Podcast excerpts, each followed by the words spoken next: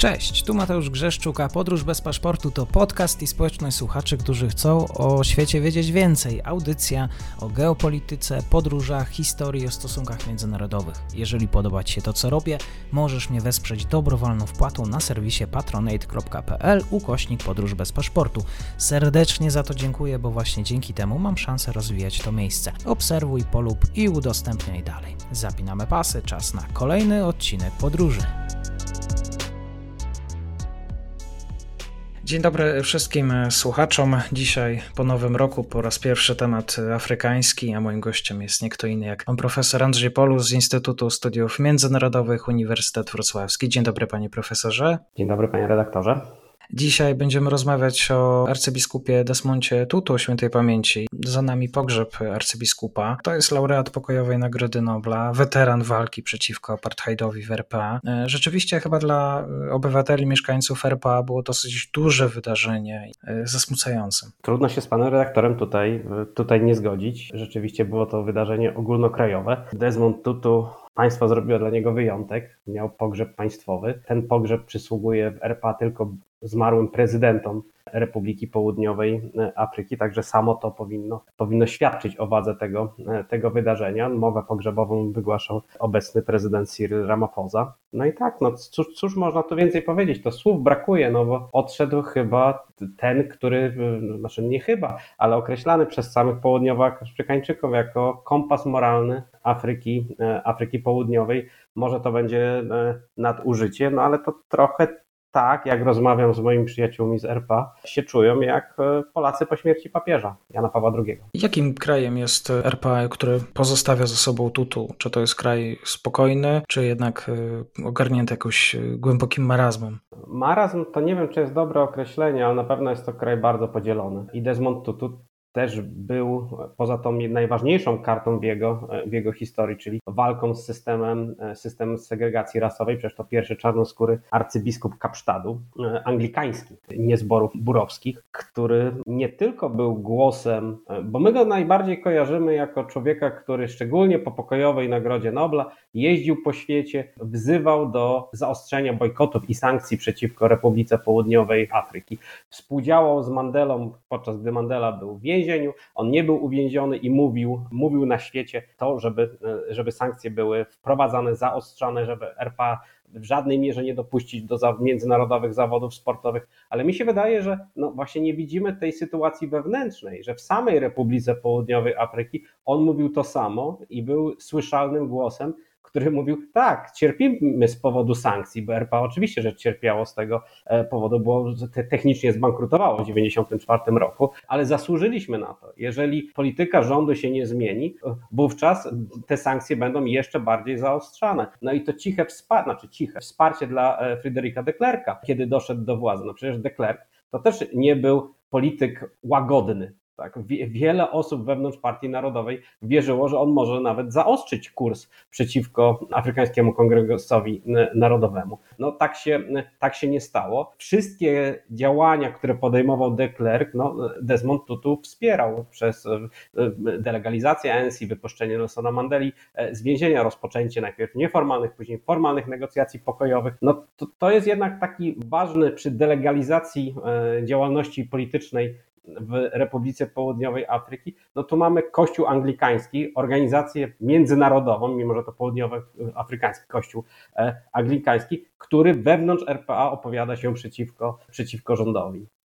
A odpowiadając na pana redaktora pytanie, no, yy, bo gdzieś właśnie uciekło mi w tym, w tym, w tym wywodzie, no Desmond Tutu nie szczędził krytyki również władzom południowoafrykańskim. I szczególnie dwóch prezydentów było przez niego szczególnie ostro krytykowanych. Pierwszy był Thabo Mbeki za fatalną politykę w kontekście epidemii HIV-AIDS, za nieprzeciwdziałanie e, rozprzestrzenianiu się pandemii i za niepodejmowanie działań mających na celu niestygmatyzowanie tych, którzy już AIDS są zarażeni. Na drugim był Jacob Zuma. Bardzo ostra krytyka Desmonda Tutu tego, co, co Jacob Zuma robił w kontekście wszystkich afer korupcyjnych. Ja pamiętam szczerze mówienie Desmonda Tutu, kiedy on powiedział, powiedział, że rząd Afrykańskiego Kongresu Narodowego pod przewodnictwem Jakoba Zumy jest gorszym rządem niż rządy, z którymi mieliśmy do czynienia w okresie apartheidu. No to jest bardzo mocne porównanie, że e, rząd tego prezydenta jest gorszy niż ten rząd, który prowadzał segregację rasową i który ugruntowywał segregację rasową. Także on no, był e, to tak jak powiedziałem na początku, na takim sumieniem świata i takie jego słynne zdanie, jeżeli jedna osoba jest niewolna, wówczas wszyscy są niewolni, było realizowane w praktyce. No, przecież jeździł do Irlandii Północnej, pomagając negocjować porozumienie e, wielko, e, wielkopiątkowe. Na Cyprze był negocjując pomiędzy Grekami a Turkami. Spiął się również z rządem południowoafrykańskim w kontekście Dalaj Lamy. E, Chiny są najważniejszym partnerem handlowym RPA i Dalaj Lama miał nie dostać wizy, tak, żeby nie mógł agitować za wolnością Tybetu, a za wolnością Tybetu Desmond Tutu bardzo jasno się opowiadał, wstawiał się za Palestyńczykami. Powiedział, że on sugeruje, żeby Tonego Blaira i George'a W. Busha pozwać przed Międzynarodowy Trybunał do Hagi za interwencję w Iraku, ponieważ tam nie było broni masowej zagłady. To są naprawdę bardzo mocne stwierdzenia na arenie, e, na arenie międzynarodowej. Także widać na tą spójność tej postaci. Również po obaleniu apartheidu walczył z wszystkimi formami wykluczenia i bardzo mocno w kontekście południowoafrykańskim wypowiadał się na temat kwestii nierówności że ANC porzucił to, co było kwintesencją Afrykańskiego Kongresu Narodowego, czyli równość i działanie w interesie ludzi, teraz działa tylko w interesie, w interesie własnym. Podkreślał to wielokrotnie, że rozwarstwienie społeczne postępuje a tak nie powinno być, bo no, elita działała dla dobra samej elity, a nie dla dobra narodu, po, szczególnie no, pod rządami, pod tą straconą dekadą Jacoba Zuma. Tak słucham pana profesora i myślę sobie, że arcybiskup Tutu miał dosyć sporo wrogów. Z tego co się orientuję, to też sam Tutu i sam Mandela był oskarżany o te kompromisy z przywódcami apartheidu. Jak to było z tymi kompromisami arcybiskupa? No, na pewno to, też nie będzie popularne, co teraz powiem. W samym RPA dzisiaj zwraca się uwagę, że gminy żydowskie w RPA no, nie, nie wyrażają to jest tak politycznie poprawne powiedziane, takiego szacunku dla zmarłego, jakim, jaki, jaki byłby oczekiwany. No właśnie za krytykę rządu, e, rządu izraelskiego w kontekście sytuacji Palestyńczyków. To jest e, rząd chiński, który też nie wyraża tutaj kondolencji z powodu e, śmierci Delam. Natomiast tak, to główne ostrze krytyki, o którym wydaje mi się pan redaktor, o które pan redaktor pyta, to jest koncepcja Komisji Prawdy i Pojednania po 1994 roku. Desmond Tutu no, zrobił coś niesamowitego dla filozofii afrykańskiej. On filozofię Ubuntu, w Botswanie to jest w ogóle filozofia państwowa, zwana jako Boto, to jest bardzo trudno to, to, to, ten zwrot Ubuntu na polski przetłumaczyć. Chyba najbliższym tłumaczeniem byłaby godność człowieka, godność społeczności, tylko ona funkcjonuje w wymiarze fizycznym. Pan może mieć Ubuntu, e, tak? Pan posiada tą godność, ona może w panu wzrastać, ale także grupa ludzi bądź cały naród może posiadać tą własną godność. I teraz, żeby ją zachować i żeby ją rozwijać, Desmond Tutu stworzył koncepcję Komisji Prawdy i Pojednania. To znaczy, ci, którzy popełniali zbrodnie w okresie apartheidu, stają, publicznie wyznają swoje winy i ma im być przebaczone. Desmond Tutu wyszedł z założenia, że wizja sprawiedliwości takiej, że oko za oko, ząb za ząb, nie jest dobra, no bo to państwo musi dalej trwać. Nie będziemy w stanie zbudować funkcjonującego narodu, jeżeli będziemy brali teraz odwet na tych, którzy no, zachowywali się tak, jak zachowywali w okresie, w okresie apartheidu.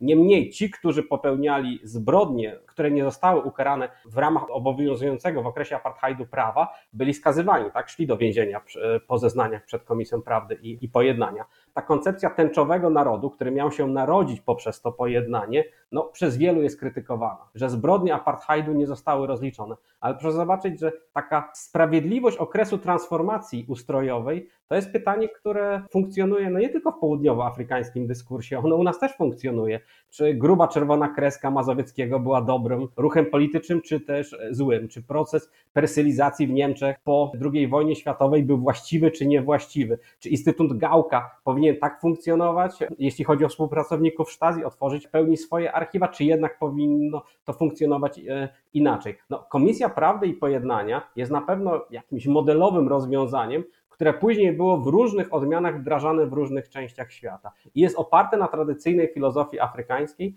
no, która weszła do takiego mainstreamowego dyskursu właśnie w kontekście Ubuntu i tej godności, ale tak jak mówię, no, ona, nie, ona nie jest niematerialna tak jak u nas, ona jest fizyczna i ona może ulegać zniszczeniu i trzeba robić wszystko, żeby w tej godności międzyludzkiej wzrastać według, według arcybiskupa Tutu. Także e, no tutaj nikt nie przeprowadzał wcześniej przejścia od apartheidu do e, systemu demokracji demokracji większościowej.